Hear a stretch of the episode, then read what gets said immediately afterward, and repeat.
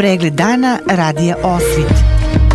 Lokalne vesti iz Vornika i regiona Birač. Pratite pregled dana za 27. jun 2022. godine.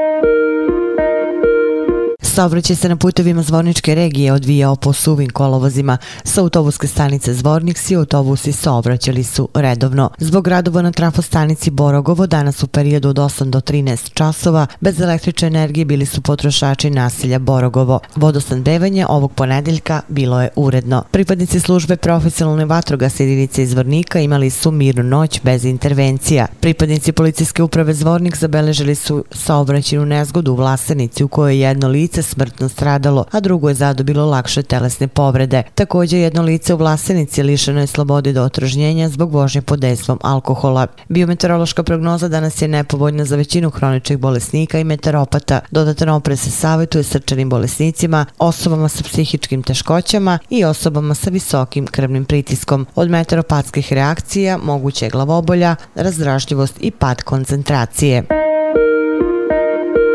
Dvodnevno obeležavanje 140 godina od osvećenja Sabornog hrama uspenja presvete Bogorodice u Tuzli juče je završeno arhijereskom liturgijom koju je služio njegova svetost patrijar srpski gospodin Porfirije sa arhijerejima uz sasluženje sveštenstva i monaštva. Nakon liturgije pričašća vernog naroda patrijarh srpski Porfirije u besedi je poručio da ne treba sebi da dozvolimo da nam drugi govore kako treba da živimo ili bolje reći da nam drugi nameću svoje koncepte recepte i da nam kažu ko je naš najbliži. Detaljniji tekst na sajtu radioosvit.com.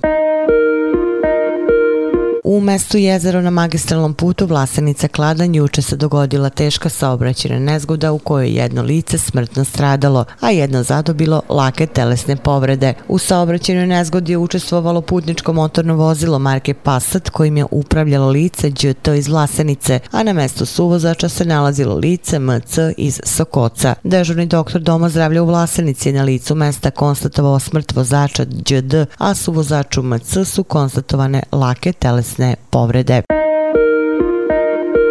U Zvorniku je u subotu održan 17. po redu tradicionalni vidovdanski sabor u organizaciji Kulturno-umetničkog društva Sveti Sava iz Zvornika. Tamni oblaci koji su se nadvili nad Zvornikom nisu sprečili učesnike sabora da prošetaju od osnovne škole Sveti Sava ulicama Patrijarha Pavla, trga Kralja Petra, prvo Karadžorđevića i Karadžorđevom do platoa ispred kasine. Zvorničani su tokom defilea imali priliku da vide različite narodne nošnje, mlade i vesele ljude koji su igrom pesmom i osmehom svoju šetnju završili na platovu ispred Narodne biblioteke. Detaljan tekst sa fotografijama možete pročitati na sajtu radioosvit.com.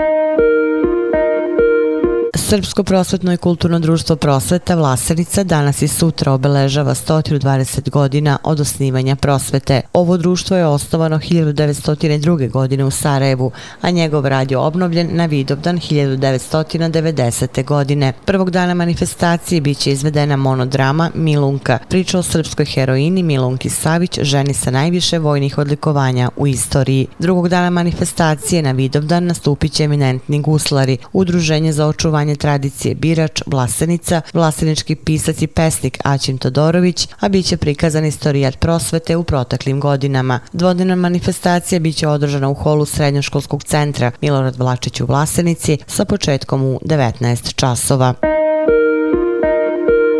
Zbog tropskih temperatura i sindikata radnika građevinarstva i stambeno-komunalnih delatnosti Republike Srpske apeluju na nadlažne da što pre donesu akt kojim će doći do preraspodele radnog vremena. U sindikatu kažu da su od 10 sati ujutru visoke temperature i traju do 18 časova, a da bi najbolje bilo da radnici ne rade od 11 do 17 časova. U toku ove sedmice meteorolozi su najavili temperature do 40 stepeni Celzijusa.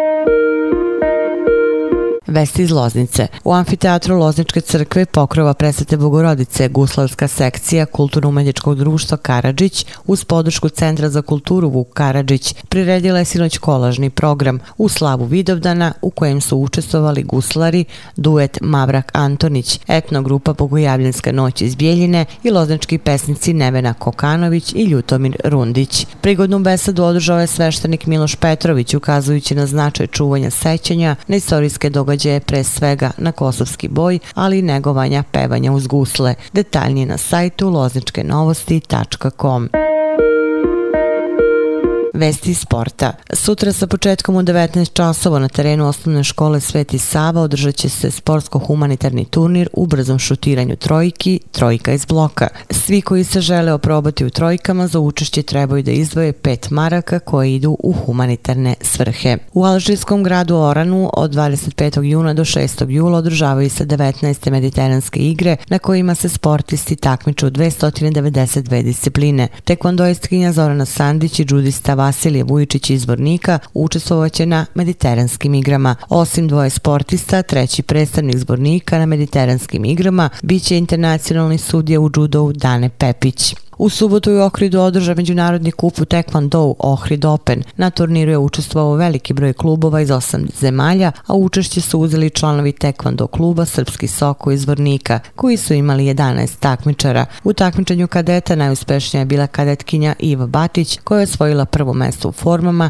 i treće mesto u borbama i proglašena za najuspešnije kadeta turnira. Opširnije na sajtu radioosvit.com. Pratili ste pregled dana za 27. jun 2022. godine. Hvala na pažnji. Pregled dana radija Osvit. Lokalne vesti iz Vornika i regiona Birač.